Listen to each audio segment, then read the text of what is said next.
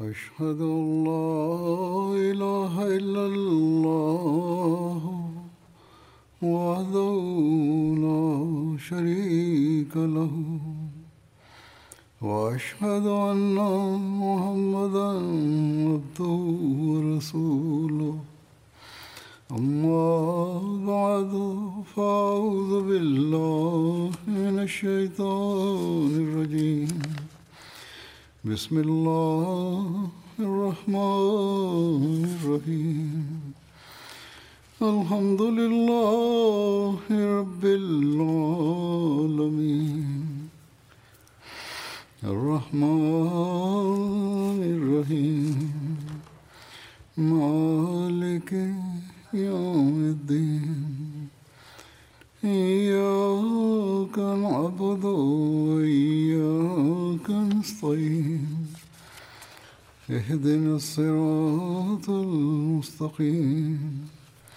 صراط الذين أنعمت عليهم. غير المغضوب عليهم ولا الضالين. القرآن الكريم ومرتبته ومحاسنه منذ بضعة أسابيع.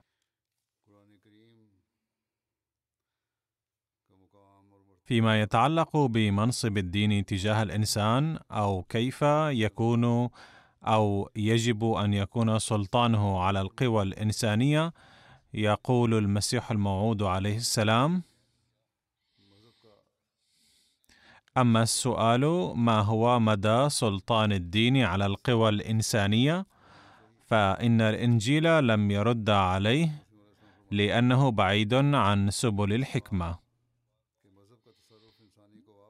ولكن القرآن الكريم يحل هذه القضية بكل تفصيل مرة بعد أخرى.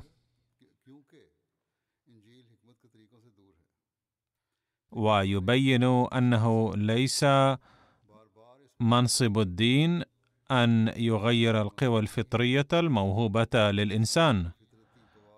فيجعل الذئب شاة مثلا أي يضعف القوي ويريه ضعيفا.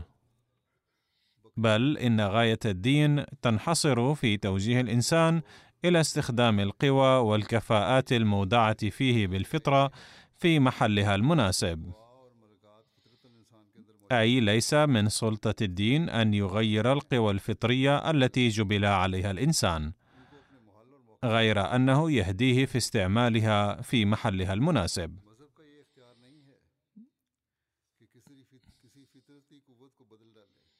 ولا يركز الدين على استخدام قوة واحدة كالرحمة أو العفو. بل يوصي باستعمال القوى والكفاءات كلها.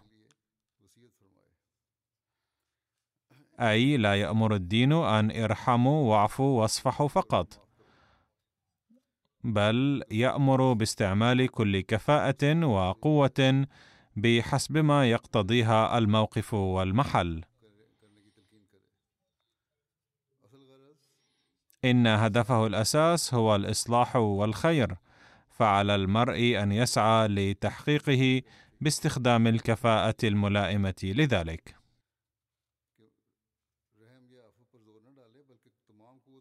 قال عليه السلام يجب الا يركز الدين على الرحم والعفو فحسب بل يجب أن يوصي باستعمال القوى الإنسانية كلها في محلها. إذ ليست أي منها سيئة في حد ذاتها بل إن الإفراط والتفريط فيها أو سوء استعمالها هو السيء.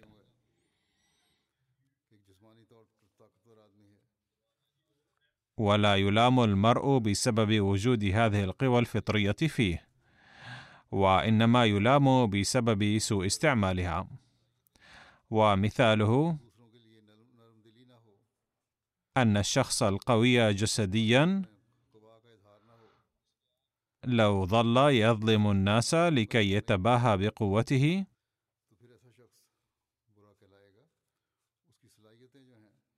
أو لو أن صاحب السلطة ظلم الناس بسبب سلطته ولم يعامل الناس برفق ولين ولم يستعمل قواه في محلها. بل استعملها فقط من أجل التباهي وبث الرعب في قلوب الناس فإن هذا الشخص سيعد سيئا. إن كفاءاته ليست سيئة ولكن استعماله لها هو السيء وتصرفه هو السيء. وقال عليه السلام وهو يبين أن الغاية من بعثته هي إثبات صدق القرآن وإرساء حقانيته. الحق الذي لا مراء فيه أن المسلمين اليوم لا يفهمون القرآن على الإطلاق ولكن الله تعالى قد أراد الآن إظهار المعاني الصحيحة للقرآن. ومن أجل هذا الهدف لقد بعثني الله تعالى. وإني أفهم القرآن الكريم بمساعدة إلهامه ووحيه سبحانه وتعالى. لا يمكن الاعتراض على تعاليم القرآن الكريم وهي مليئة بالمعقولية بحيث لا يستطيع الفيلسوف أيضا الاعتراض عليها. ثم في معرض بيان عظمة القرآن الكريم يوصي المسيح الموعود عليه السلام جماعته ويقول تدبروا القرآن الكريم ففيه كل شيء. فيه تفصيل الحسنات والسيئات وأخبار المستقبل وغير ذلك. اعلموا جيدا أن القرآن الكريم يقدم الدين الذي لا يمكن الاعتراض عليه. لأن بركاته وثمراته تعطى رطبة نضة. الإنجيل لم يبين الدين بصورة متكاملة. يمكن أن تكون تعاليمه ملائمة لذلك العصر ولكنها ليست صالحة لكل عصر وعلى الدوام ابدا. أي كانت تعاليم الإنجيل صالحة في الزمن الذي جاء فيه عيسى عليه السلام ولكنها غير صالحة اليوم.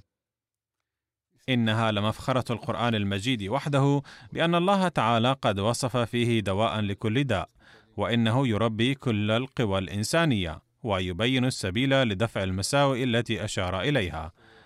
لذا يجب أن تتلو القرآن بانتظام وتواظبوا على الدعاء وتسعوا لإخضاع تصرفاتكم وسيرتكم لتعاليمه وأحكامه.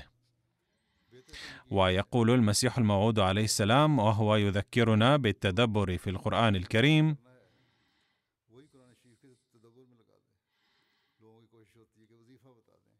بالإضافة إلى ذلك إن اجتناب التقاليد والبدع هو الخير لأن البدع تدفع الإنسان إلى التصرف في الشريعة شيئا فشيئا. من الأفضل للإنسان أن الوقت الذي يقضيه في ترديد الأذكار والأوراد يجب أن يصرفه في تدبر القرآن الكريم. يسعى الناس لأن يقولوا دلني على ورد أو ذكر أقضي وقتي في ترديده. ولكن المسيح الموعود عليه السلام يقول كلا بل اقضوا هذا الوقت في التدبر في القرآن الكريم. إن بعض الناس يقضون أوقاتهم في ترديد بعض الأوراد والأذكار فقط ومنهم من لا يعرف معانيها أيضا. ويظن أنها السبيل الوحيد والأفضل لتقدمه الروحاني. ولكن المسيح الموعود عليه السلام يقول لو بذلتم هذا الوقت في التدبر في القرآن الكريم لكان خيرا لكم لأن هذا هو السبيل الذي تحرزون به التقدم الروحاني. لقد سرت كثير من البدع في المسلمين غير الأحمديين بسبب هذه الأوراد والأذكار. وبعض الأحمديين أيضا قد وقعوا تحت تأثيرها لذا يجب عليكم أن تجتنبوها. وأن تهتموا بتعلم معاني القرآن الكريم وتفسيره أكثر فأكثر. من الخميس أو الأربعاء القادم سيبدأ شهر رمضان في بعض البلاد إن شاء الله تعالى. فيجب أن نسعى في رمضاننا هذا سعيا حثيثا لتعلم القرآن وتعليمه وفهم معانيه. يقول المسيح الموعود عليه السلام إذا كانت في القلب قسوة فإنما السبيل لرقة القلب أن يقرأ المرء القرآن الكريم مرة بعد أخرى. عندما يقرأ المؤمن في القرآن دعاء فإنه أيضا يتمنى أن يشمله الله برحمته هذه. إن مثل القرآن الكريم كمثل حديقة يقتطف فيها الإنسان زهرة من هنا ثم يتقدم قليلا ويقطف زهرة أخرى من هناك. فعلى الإنسان أن يجني الفائدة الملائمة لحاله من كل مقام في القرآن الكريم. ثم يقول عليه السلام فهذا يساعدكم على الرقي الروحاني حيث يسعى الإنسان للانقياد لأحكام الله ونواهيه. على المرء أن يسعى لأن يأتمر بما أمر الله به وينتهي عما نهى الله عنه. يجب أن يركز على هذا الأمر لأن هذه هي الأزهار التي يقتطفها الإنسان من هذا البستان.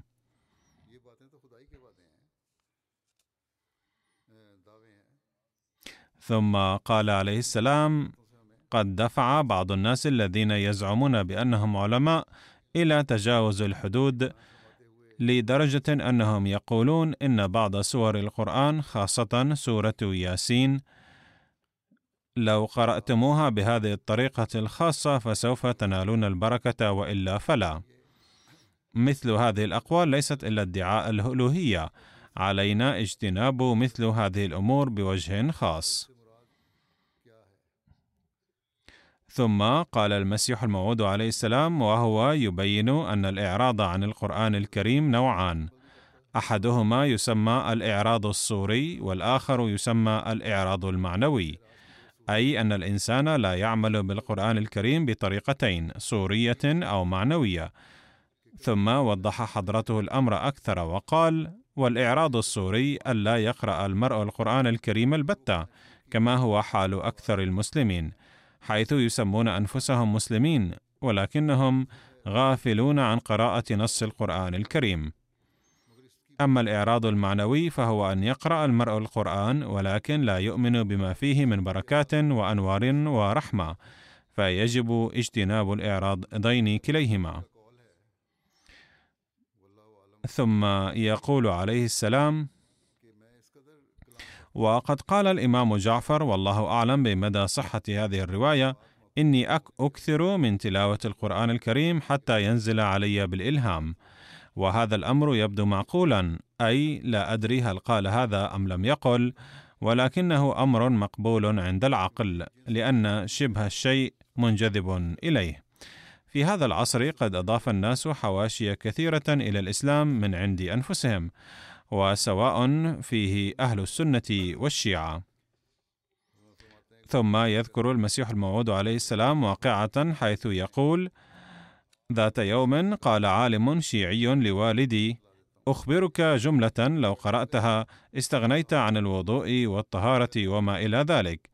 على هذا النحو تسرب إلى الإسلام الكفر والبدعة والإلحاد والزندقة وغيرها، حيث عظم كلام البشر تعظيما لا يليق إلا بالقرآن الكريم ولذلك كان الصحابة يرون الأحاديث أقل درجة من القرآن الكريم فذات مرة أراد سيدنا عمر أن يحكم في قضية فقامت عجوز وقالت ما ورد في الحديث هو هكذا. أي ما أقوله منسوب إلى رسول الله صلى الله عليه وسلم علما أن الأحاديث مع أنها قد جمعت فيما بعد ولكن بعض الصحابة يكتبونها أحيانا بصفة شخصية. فقال عمر لا أستطيع ترك كتاب الله من أجل عجوز. أي هذا ما ترويه هذه العجوز. ولكن كلام الله مختلف عما تقول وليست الحقيقة إلا ما ورد في كلام الله تعالى. وهذه هي الحقيقة فيجب أن نتبع هذا الأسلوب نفسه وإلا سوف تتفشى وتنتشر البدع باستمرار. وهذا هو السبب وراء انتشار البدع بين المسلمين باستمرار اليوم وتبعدهم عن تعاليم القرآن الأصيلة.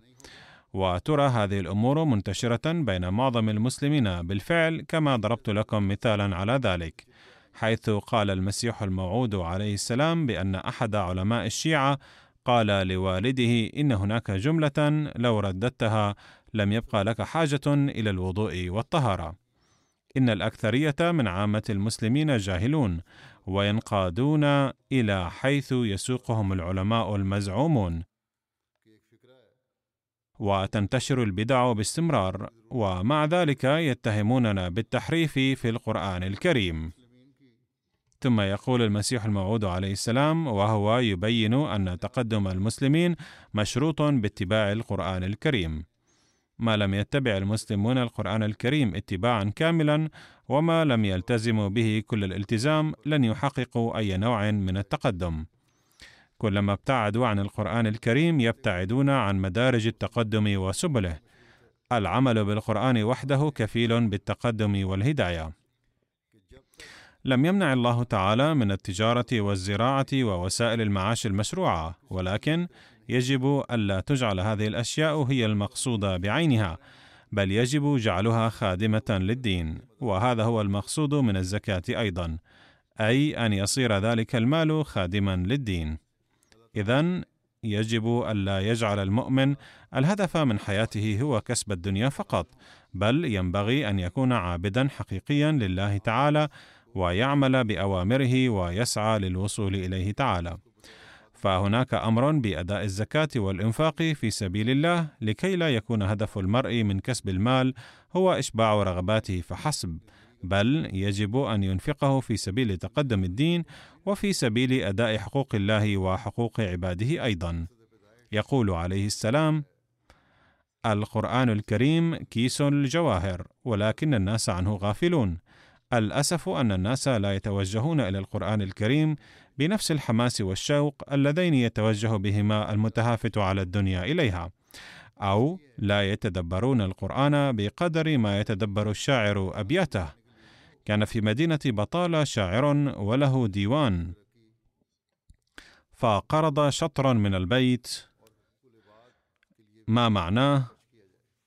أن نسيم الصبا تخجل حين ترى الورده ولكن لم يسعفه الشطر الثاني. فظل لستة أشهر متتالية تائها وحيرانا لقرض الشطر الثاني. إلى أن ذهب يوما إلى محل بيع الأقمشة.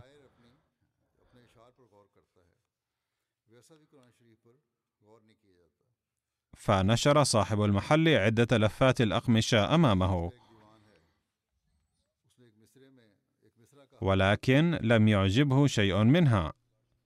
فلما هم بالخروج بدون أن يشتري شيئا سخط صاحب المحل وقال لقد كلفتني عناء نشر كل هذه اللفات الكثيرة من الأقمشة بدون جدوى فلم يلبث أن خطر ببال الشاعر الشطر الثاني من البيت فأكمله كالآتي. أي أن نسيم الصبا خجلت برؤية الوردة لأنها قد نشرت الوردة ولكنها لا تقدر على لفها ثانية لهذه الدرجة كابد هذا الشاعر العناء من أجل شطر واحد. ولكن الناس لا يتكبدون عناء مثله لفهم آية قرآنية واحدة للأسف الشديد. إن القرآن كيس من الجواهر ولكن الناس غافلون عنه. ثم يقول عليه السلام الأسرار والدقائق التي توجد في القرآن الكريم أن توجد في التوراة والإنجيل.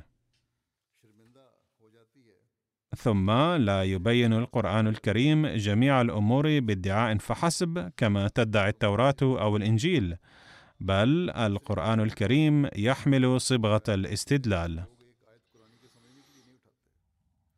أي يقدم الأدلة لا يبين شيئا إلا وقد قدم معه دليلا قويا ومحكما.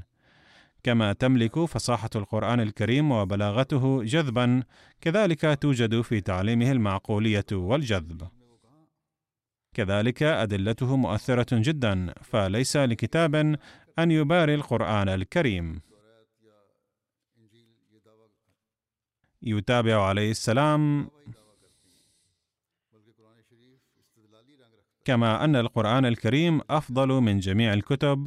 كذلك إن مكانة النبي صلى الله عليه وسلم أيضا أعلى من جميع الأنبياء. كلما وجدتم في القرآن الكريم من الأمور عند قراءته فابحثوا عن الدليل عليه في المكان نفسه. ثم يقول عليه السلام مبينا أنه لا يمكن لأي سحر أن يقاومه. اعلموا أننا نقدم القرآن الكريم الذي يهرب منه السحر ولا يمكن لسحر أو باطل أن يقاومه. ماذا يوجد في أيدي معارضين المعتزون بعلمهم؟ اعلموا يقينا أنه لا يمكن أن يتجرأ أي باطل للثبوت أمامه. لذلك لا يمكن أن يثبت عابد الباطل أمامنا وأمام جماعتنا بل يرفض النقاش. هذه حربة سماوية لن تفل ابدا. أقول هذا الموقف يوجه أنظارنا إلى أن نتدبر القرآن الكريم أكثر فأكثر لنحسن حالتنا الروحانية والعلمية ونرد على المعارضين أيضا. يقول عليه السلام مبينا أنه يمكن للإنسان أن يصل إلى الله تعالى باتباع القرآن الكريم وطاعته طاعة كاملة. لنا رسول واحد ونزل عليه كتاب واحد فقط هو القرآن الكريم والذي باتباعه يمكن أن نصل إلى الله. الأوراد والطرق التي أوجدها المتنسكون المعاصرون وسيفيات أصحاب الزوايا المراد من السيفيات هو الشعوذات والأوراد التي تقرأ إلى أربعين يوما متتالية لإيذاء أحد. والأدعية والأوراد كلها سبل لإغواء الناس عن الصراط المستقيم فاجتنبوها. إن هؤلاء الناس أرادوا أن ينقضوا خاتم خاتم الأنبياء وكأنهم اختلقوا شريعة خاصة بهم. اعلموا أنه لا مفتاح لفتح أبواب فضل الله وبركته سوى اتباع القرآن الكريم وأوامر رسول الله صلى الله عليه وسلم والصلاة والصيام المسنونه مخطئ ذلك الذي يخترع سبيلا جديدا تاركا هذه السبل. ولسوف يموت خائبا ذلك الذي لا يطيع أوامر الله ورسوله بل يبحث عن الله في سبل أخرى. لقد بين عليه السلام ميزة أخرى للقرآن الكريم وهي أنه أوجب الإيمان بنبي كل قوم. فقال عليه السلام والقرآن هو الكتاب الجدير بالتعظيم والتبجيل الذي وضع أسس السلام بين الأقوام وصدق نبي كل أمة وهذا الشرف في العالم كله يعود للقرآن الكريم وحده الذي علمنا لا نفرق بين أحد منهم ونحن له مسلمون. أي أعلنوا أيها المسلمون قائلين إننا نؤمن بجميع الأنبياء في العالم ولا نفرق بحيث نؤمن ببعض ونكفر ببعض.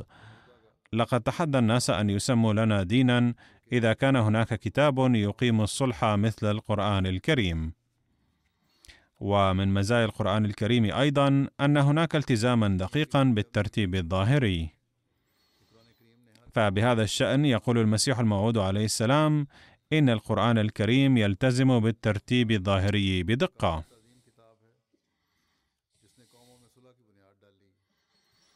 والجزء الأكبر لفصاحة القرآن يتعلق بها.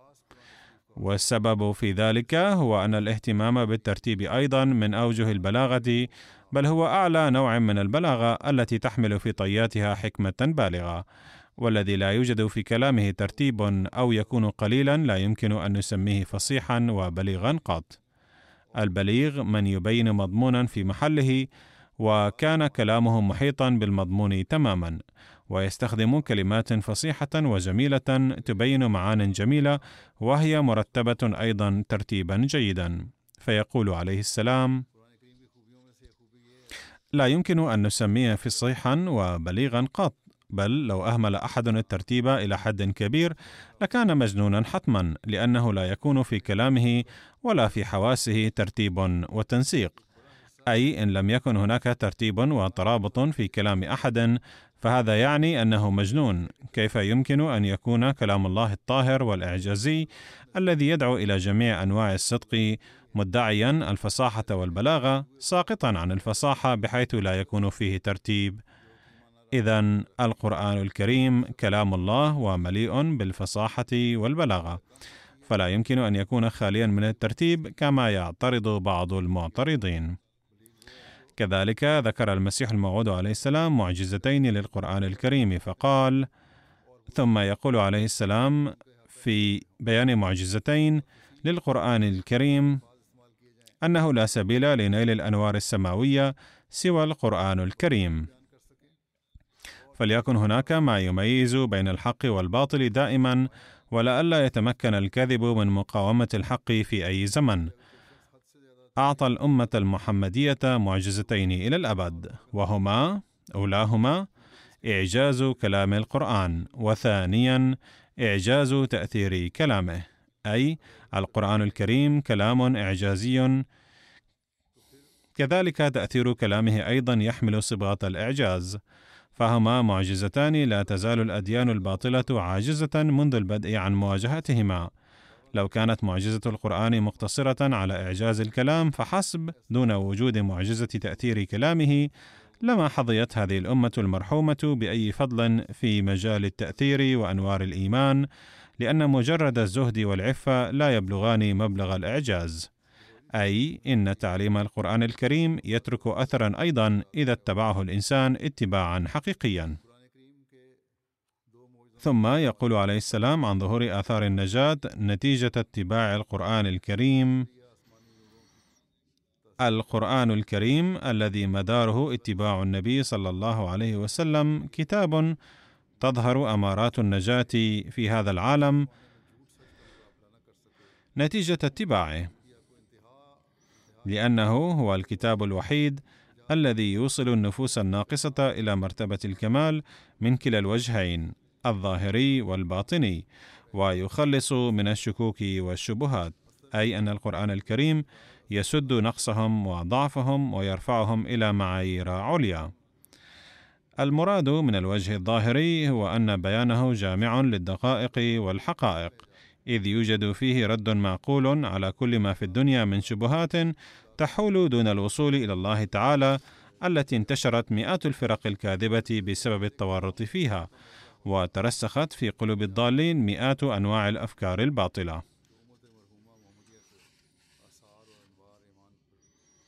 إذا يبين القرآن الكريم أدلة وحقائق بوضوح تام لدرجة تزيل الشكوك والشبهات كلها، ولكن الشرط أن يكون المرء جاهزا للفهم، علما أن المفهمين موجودون، إلا أن هناك حاجة إلى الاستفادة من كلامهم.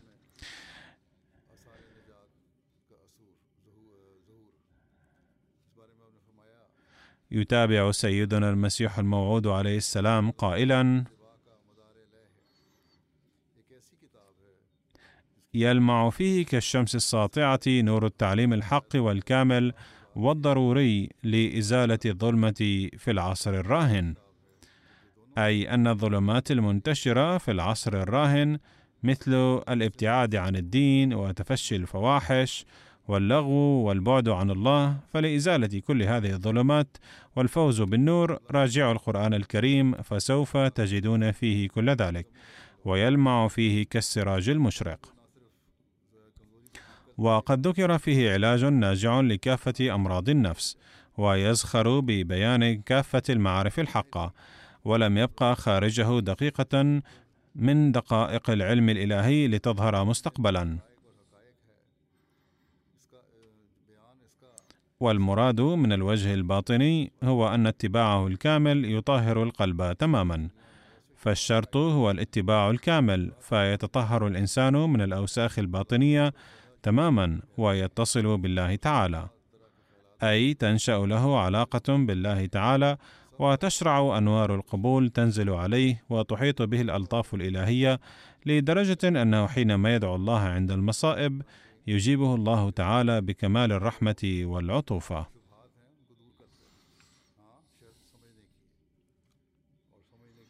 أي يعامله الله بمنتهى الرحمة والرأفة والرفق. ويحدث في كثير من الأحيان أنه إذا سأل الله ألف مرة عند حلول المصائب والأحزان وجد الجواب أيضا من ربه الكريم ألف مرة بكلام فصيح وحلو ومبارك مليء بالحب. ونزل عليه الإلهام الإلهي كالمطر فيجد قلبه مليئا بحب الله كما تملأ زجاجة شديدة النقاء بعطر لطيف. وتوهب له من الأنس والشوق لذة طيبة تقطع علاقات قوية للنفس الأمارة وتخرج المرء من هذا الجو الدخاني أي السيء والملوث. وتهيبه في كل آن حياة جديدة بواسطة نسيم عليل من حبيبه الحقيقي. ثم قال حضرته عليه السلام إن القرآن كلام يقيني وحاسم. إن القرآن الكريم الذي هو كتاب الله ليس بأيدينا كلام أكثر منه ثقة ويقينا. إنه كلام الله ومنزه عن أوساخ الشك والظن. ثم قال حضرته موضحا أن القرآن الكريم جاء ليوحد أمم العالم. لقد أعطى الله تعالى اولا لكل أمة دستور العمل الخاص بها ثم أراد أن يتوحدوا كما هو جميع الأمم أمة واحدة. ويجعل البلاد كلها بلدا واحدا والألسن كلها لسانا واحدا. يقول الناس لماذا جاءت شتى الأديان؟ وذلك لأن عقل الإنسان وشعوره ووسائله كانت محدودة وهذا تطلب أن يبقوا منفصلين. فكانت الأديان منفصلة أما الآن فقد جاء زمن يمكن أن يتحد فيه الجميع. فأنزل شريعة كاملة في سورة القرآن الكريم. ويجعل البلاد كلها بلدا واحدا والألسن كلها لسانا واحدا. اليوم نسمع عن مصطلح قرية عالمية إذ قد اتحد العالم كله في صورة مدينة واحدة. باختصار إن القرآن الكريم وحده كتاب يقرأه المسلمون من كل أمة في العالم كله باللغة العربية رغم اختلاف ألسنتهم كما يقرأ في الصلوات الخمس. ثم قال حضرته عليه السلام إن للقرآن الكريم منة على ما سبقه من الكتب والأنبياء. لقد أحسن القرآن الكريم إلى الكتب السابقة والأنبياء السابقين إذ أفضى صبغه علمية على تعاليمها التي كانت من قبل بصورة قصص وحكايات فقط. أقول صدقا وحقا أنه لن ينجو أحد من تلك القصص والحكايات ما لم يقرأ القرآن الكريم إذ ورد في حقه وحده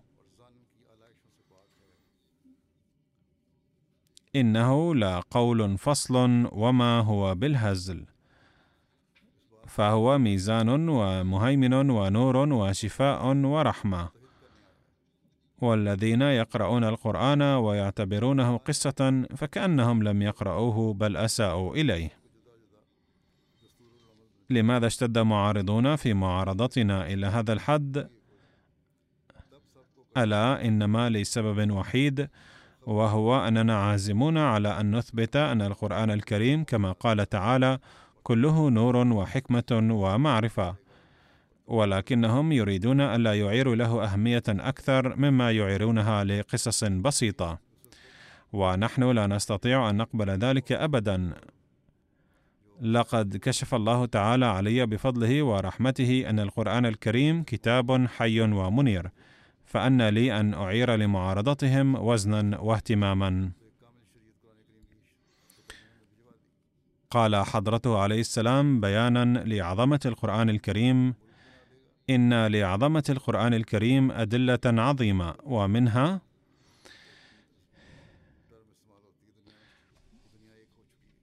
أن فيه علوما عظيمة من العبث البحث عنها في التوراة والإنجيل أي من المستحيل أن نعثر عليها فيهما ويستطيع أن يفوز بها الإنسان من الدرجة الصغيرة والكبيرة بحسب فهمه. اذا يجب أن يتعود كل واحد على التدبر في معانيه ومطالبه لكي ينكشف علينا حسن كلام الله تعالى. ثم قال عليه السلام عن أوامر القرآن الكريم ونواهيه إن تفصيل الأوامر والنواهي وأحكام الله تعالى مذكور في القرآن الكريم من أوله إلى آخره. وذكر فيه مئات الفروع للأوامر المختلفة. وقال عليه السلام في موضع آخر أنه يجب البحث عنها أثناء تلاوته وجعلها جزءا لا يتجزأ من الحياة. عندها فقط يمكن أن ننال الفيض الحقيقي من كلام الله تعالى. ثم قال حضرته عليه السلام في موضع بيانا لمحاسن القرآن الكريم وليكن معلوما أن القرآن الكريم كلام الله اليقيني والقطعي الذي لا دخل للإنسان حتى في أي نقطة أو شعشعة منه. فهو بكلماته ومعانيه كلام الله حصرا. ولا تجد أي فرقة إسلامية بدا من الإيمان به. وكل آية منه تتمتع بتواتر عظيم. وهو وحي متلو وحروفه معدودة. وهو محفوظ بسبب إعجازه من التحريف والتبديل. أي أن ترتيب كلماته أيضا من المعجزة حيث يستحيل تبديلها. فكيف يمكن أن يقال إننا حرفنا القرآن؟ فمن حرفه فقد أفسد القرآن الكريم إذ لا يمكن أن يبقى في حالته الأصلية. ولا يبقى مضمونه على حاله. ثم قال حضرته بيانا لعمق كلمات القرآن الكريم وجمال مطالبه إنما تنكشف دقائق القرآن الكريم ومعارفه وحقائقه بحسب حاجة العصر. فمعارف الفرقان التي احتجنا إليها مقابل الفرق الدجالية الآن في العصر الذي نعيشه مثلا لم يحتج إليها أولئك الذين لم يشهدوا عصر الفرق الدجالية هذه. لذا قد بقيت هذه الأمور خافية عليهم وكشفت علينا. فالموضوع ينكشف فيه بحسب المحل والعصر باستمرار. ففي العصر السابق لم تكن بحاجة إليها. لذا فالتفاسير التي كتبت في ذلك العصر كانت بحسب أوضاعه. أما التفاسير التي تكتب اليوم فبحسب أوضاع هذا العصر. وكلها مستنبطة من القرآن الكريم نفسه وتتبين المعاني بالتدبر في الكلمات نفسها. فمثل هذا الكتاب يمكن أن يدوم إلى يوم القيامة حيث تتبين منه المطالب من الكلمات بحسب الحاجة. ثم قال حضرته بيانا لجمال القرآن الكريم إن المعارف الباطنية للقرآن الكريم التي هي ثابتة من الأحاديث الصحيحة والآيات البينة لا تظهر دون ما سبب بل تتجلى معجزة القرآن الكريم هذه عند طرء الحاجة القصوى إلى هذه المعجزة الروحانية. فالمعارف تستنبط من الأحاديث الصحيحة كما تثبتها الآيات البينة. ثم قال حضرته عليه السلام في القرآن الكريم كل شيء لكن المرء لا ينال شيئا منه ما لم يملك البصيرة فالبصيرة شرط. فقارئ القرآن الكريم حين يتقدم من سنة إلى أخرى يرى السنة الماضية وكأنه كان طالب الابتدائية فيها لأنه كلام الله والتقدم فيه أيضا هكذا. فلا ينبغي أن نفكر أننا إذا قد قرأناه مرة فقد حصلنا على كل علم له. بل الإنسان حين يدخل سنة ثانية بعد التدبر فيه لسنة كاملة ويبدأ فيه التدبر من جديد يجد أن ما قرأه سابقا لم يكن شيئا يذكر. وإنما فهم كانت دروسا ابتدائية للأولاد الصغار ثم يتقدم فيها كل سنة باستمرار. فقال لا يعجبني من وصف القرآن الكريم بأنه ذو الوجوه إذ لم يكرم القرآن الكريم. ينبغي أن يقال إن القرآن الكريم ذو المعارف أي الزاخر بالمعارف التي لا حصر لها. ففي كل موضع منه تخرج المعارف ولا تناقض أي نقطة نقطة أخرى ولا تدحضها ولا تردها. إلا أن الطبائع الحاقدة والتي تغتاظ بسرعة لا علاقة لها بالقرآن الكريم. ولا ينكشف عليها القرآن الكريم. إنما تنكشف حقائقه على الأطهار المتدبرين المستعيذين بالله الذين يدعونه أن يرزقهم العلم.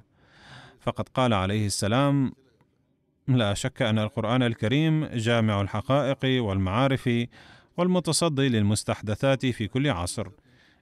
إن صدر هذا العبد المتواضع عامر ببركاته وحكمه التي رآها بأم عينه وفي عصرنا الحاضر إنه المسيح الموعود عليه السلام الذي كشف لنا معارفه وحقائقه. وبكلامه يتم الشرح مزيدا. فإن قرئ القرآن الكريم بفهم وتدبر فإن معرفة فضائله وتعاليمه ومعارفه تزداد أكثر قال حضرته لا شك أننا أعطينا القرآن الكريم لخيرنا وتقدمنا العلمي وانتصاراتنا الدائمة وإن أسراره غير متناهية وتنكشف بعد تزكية النفس وإشراقها واستنارة الضمير.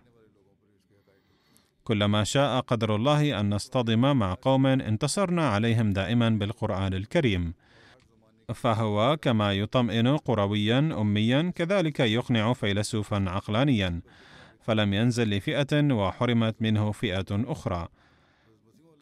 لا شك في أنه يتضمن علاجا لداء كل شخص وكل زمان وكل ملكة. إن من لم يكن معوج الخلقه ولا ناقص الفطرة يؤمن بعظمة القرآن الكريم ويستفيد من أنواره. أي أن الذين لا يفهمون الهدف من خلقهم فإنهم ناقصو العقل. أو أنهم يتوجهون إلى الانحطاط بدلا من الرقي فإنهم ناقصو العقل روحانيا. وإن عقول مثل هؤلاء الناس ناقصة فلا ينفعهم القرآن الكريم شيئا. ولكن إن لم يكونوا كذلك فلا بد لهم من الإيمان بعظمة القرآن الكريم بل إنهم يؤمنون به ويستفيدون بأنواره.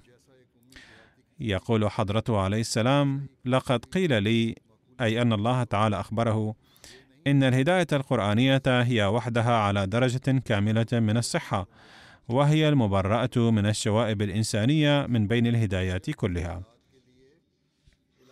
ثم قال حضرته عليه السلام: إن مذهبنا هو أنه كلما تقدمت العلوم الطبيعية وظهرت في صبغة عملية، كلما أقيمت عظمة القرآن الكريم في العالم. فعلى أبنائنا الذين يبحثون في العلوم الدنيوية الاستعانة بالقرآن الكريم في بحوثهم، والكثيرون يستعينون به بفضل الله تعالى ويذكرون ذلك في مقالاتهم أيضا وينبغي عليهم أن يثبتوا بذلك علو كعب القرآن الكريم وإن كل العلوم مستترة فيه. كان الدكتور عبد السلام يعمل دائما بهذا الأصل نفسه. ثم قال حضرته عليه السلام لا ريب في أن القرآن الكريم يتضمن المعارف غير المحدودة وإنه يتكفل حاجة كل عصر بصورة كاملة. يقول حضرته عليه السلام إن المعارف والحقائق وكمالات الحكمة والبلاغة التي يحتوي عليها القرآن الكريم بصورة أكمل وأتم لا يرتقي إلى هذه الدرجة العظيمة أي كتاب آخر قال حضرته عليه السلام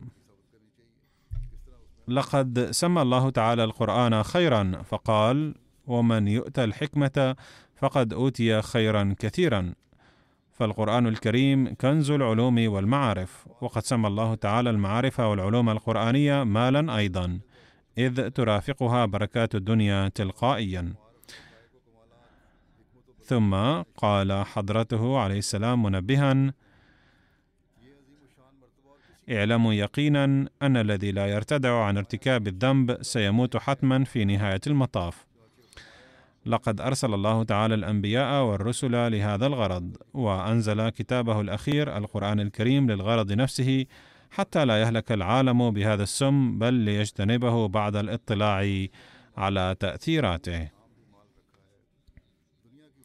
فعلى كل أحمدي أن يسعى لتحويل حالته وفق تعاليم القرآن الكريم، كما ينبغي أن يطلع العالم على هذا التعليم وينقذهم من الدمار الروحاني والمادي. قال حضرته عليه السلام: إن النبي صلى الله عليه وسلم خاتم النبيين، والقرآن الكريم خاتم الكتب. فلا يمكن أن تكون شهادة جديدة بعد الآن ولا صلاة جديدة ولا تصور للنجاة بترك ما قاله النبي صلى الله عليه وسلم وما فعله أو ما جاء في القرآن الكريم ومن تركه فمأواه جهنم. هذا ديننا وهذا هو مذهبنا. فكيف يمكن لمن يعتقد بمثل هذا الاعتقاد أن يكون مرتكب الإساءة إلى القرآن الكريم والنبي الكريم صلى الله عليه وسلم؟ ليت عامة المسلمين يفهمون هذا الأمر فيخرجون من ربقة المشايخ الأشرار ويعرفون إمام الزمان. ثم قال حضرته عليه السلام إن الذريعة اليقينية والكاملة والسهلة لمعرفة الأصول الحقة ولجميع المعتقدات التي تتوقف نجاتنا على علمها اليقيني لهي القرآن الكريم. يقول حضرته عليه السلام لقد قال الله تعالى إنا نحن نزلنا الذكر وإنا له لحافظون. أي عندما تتطرق الأخطاء إلى معانيه فسيأتي المبعوثون من عندنا لإصلاحها. وبحسب وعده هذا بعث الله تعالى إمام الزمان حضرة ميرزا غلام أحمد القادياني عليه السلام فتدبروا قوله وانظروا إلى حالة الزمان حيث يبعدكم عن دينكم أتباع الأديان الأخرى ويكيدون ضدكم مكائد دجالية. ولكنكم تحاولون إبعاد العالم الإسلامي عن المسيح والمهدي الآتي بتسميتكم إياه دجالا. قال حضرته فلا تقيسوا الأمر علي أي لا تفكروا في شخصي بأنني جئت أو ادعيت بل فكروا بأنفسكم نظرا إلى بداية القرن والهجمات الخارجية والأعمال الداخلية للأمة. أهناك ضرورة للدجال أم المهدي والمسيح؟ قال حضرته إن التعصب بلاء خطير. لم يؤمن المتعصبون بأحد من الرسل. وهب الله تعالى المسلمين العقل ليعقلوا ويفهموا. قال حضرته عليه السلام ذاكرا ميزات القرآن الكريم لقد روعي في القرآن الكريم من أوله إلى آخره الالتزام بأمرين اثنين أحدهما الوجوه العقلية وثانيهما الشهادة الإلهامية وإنهما لأمران يجريان في الفرقان المجيد كنهرين جليلين متحاذيين بحيث يؤثر أحدهما على الآخر. أي أن كل واحد منهما يجري بمحاذاة الآخر ويؤثر أحدهما على الآخر. قال حضرته عليه السلام كان القرآن الكريم يهدف إلى جعل البهائم اناسا ويحول الناس إلى الناس الخلوقين ويجعل الناس الخلوقين إلى الناس الربانيين. ولقد رأينا أن هذا الهدف قد تحقق في العرب بصورة كاملة. لقد ذكر لي أحد اليهود بنفسه قبل بضع سنوات حيث قال لست مسلما ولكنني أعتبر النبي صلى الله عليه وسلم رسولا لأن تغيير حالة العرب البدو التي كانوا عليها بصورة انقلابية عمل لا يتم إلا على يد رسول من الرسل ولا يمكن لإنسان عادي أن يحقق ذلك بل لا يسع أحد تحقيق ذلك إلا الذي كان حائزا على التأييدات من الله تعالى. يقول حضرته عليه السلام: إن القرآن كتاب محير، فإن ذلك الأمي لم يعلم الكتاب والحكمة فحسب، بل دل على سبل تزكية النفس أيضا، حتى بلغ بالصحابة درجة وصفوا بقول الله: وأيدهم بروح منه. تدبروا وانظروا بإمعان كيف أن القرآن يوصل كل طالب إلى مطلوبه ويروي كل متعطش للحق والصدق يقول حضرته عليه السلام إن كل وحي إلهي جاء دائما ليهب اليقين ولكن القرآن الكريم تفرد بأن وضع أساسا لتحقيق أعلى مراتب اليقين حتى أوصلها إلى الغاية لقد أكد حضرته عليه السلام لأفراد جماعته على ضرورة العمل بتعليم القرآن الكريم بصورة كاملة، فكتب في شروط بيعته هذا الأمر. فالشرط السادس من شروط البيعة كالتالي: أن يكف عن اتباع التقاليد الفارغة والأهواء النفسانية والأمان الكاذبة، ويقبل حكومة القرآن المجيد على نفسه بكل معنى الكلمة ويتخذ قول الله وقول الرسول دستورا لعمله في جميع مناهج حياته. ولكن علماء السوء الذين عميت عقولهم يروننا محرفين في القرآن الكريم. يقول حضرته عليه السلام لا يجوز لنا أن نقوم بتغيير أو تبديل أو تقديم أو تأخير أو إضافة جمل في آية من آيات الكلام الإلهي أي لا نستطيع أن نبدل فيها ولا نغير فيها ولا نقدم أو نؤخر فيها شيئا ولا ننقص منها ولا نزيد فيها شيئا. ولا يجوز لنا إضافة بعض الفقرات إليه من عند أنفسنا وإذا فعلنا ذلك فسنكون مجرمين ومؤاخذين عند الله. فبما أنه لا يمكن أن يحدث هذا الأمر فلماذا تعتبروننا مرتكبي هذه الجريمة؟ إذ لو فعلنا ذلك لكنا مجرمين عند الله. فلما كان المسيح الموعود عليه السلام بنفسه قد نفى كل نوع من التحريف والتبديل في القرآن وأعلن بأننا سنكون مجرمين لو فعلنا ذلك ونكون جديرين بالمؤاخذة عند الله تعالى. مع ذلك إذا كان هؤلاء المعارضون يتهموننا بهذه التهمة فكأنهم يعتبرون أنفسهم أكبر من الله تعالى. وكأن هؤلاء الذين يثيرون الضجة اليوم يقولون بأنه حتى ولو لم يعتبرنا الله تعالى مجرمين إلا أنهم سيجعلوننا مجرمين وسيؤاخذوننا حتما. وقى الله تعالى كل أحمدي من شر هؤلاء ويقلب شرورهم عليهم. ووفقنا الله تعالى لفهم المعاني الحقيقية للقرآن الكريم وللعمل بها. ادعوا للأحمديين في باكستان ولتحسن أوضاع السائدة فيها بشكل عام وادعوا للأحمديين في بوركينا فاسو ولتحسن ظروف البلد هناك عموما. وادعوا للأحمديين في بنغلاديش أن يحفظهم الله تعالى. إذ لعل المشايخ هناك قد قرروا اليوم أيضا أن يثيروا الشغب. وادعوا للأحمديين في باكستان وفي كل مكان. إن شهر رمضان على الأبواب. وكما قلت ينبغي أن تركزوا فيه بشكل خاص على تلاوة القرآن الكريم وفهمه كما ينبغي.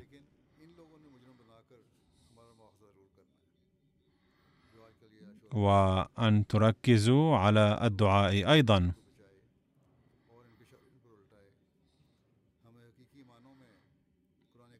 وفقنا الله تعالى جميعا لذلك.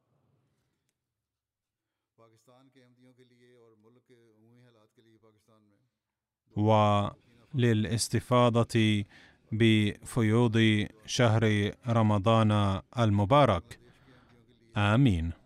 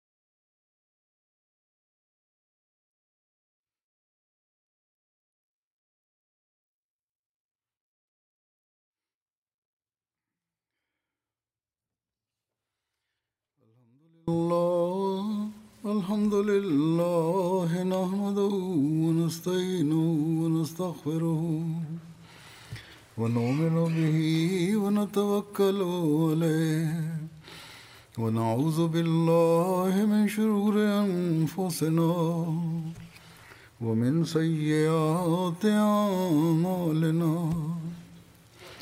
من يهده الله فلا مضل له ومن يضلل فلا هادي له. ونشهد أن لا إله إلا الله. ونشهد أن محمدا عبده ورسوله. عباد الله رحمكم الله.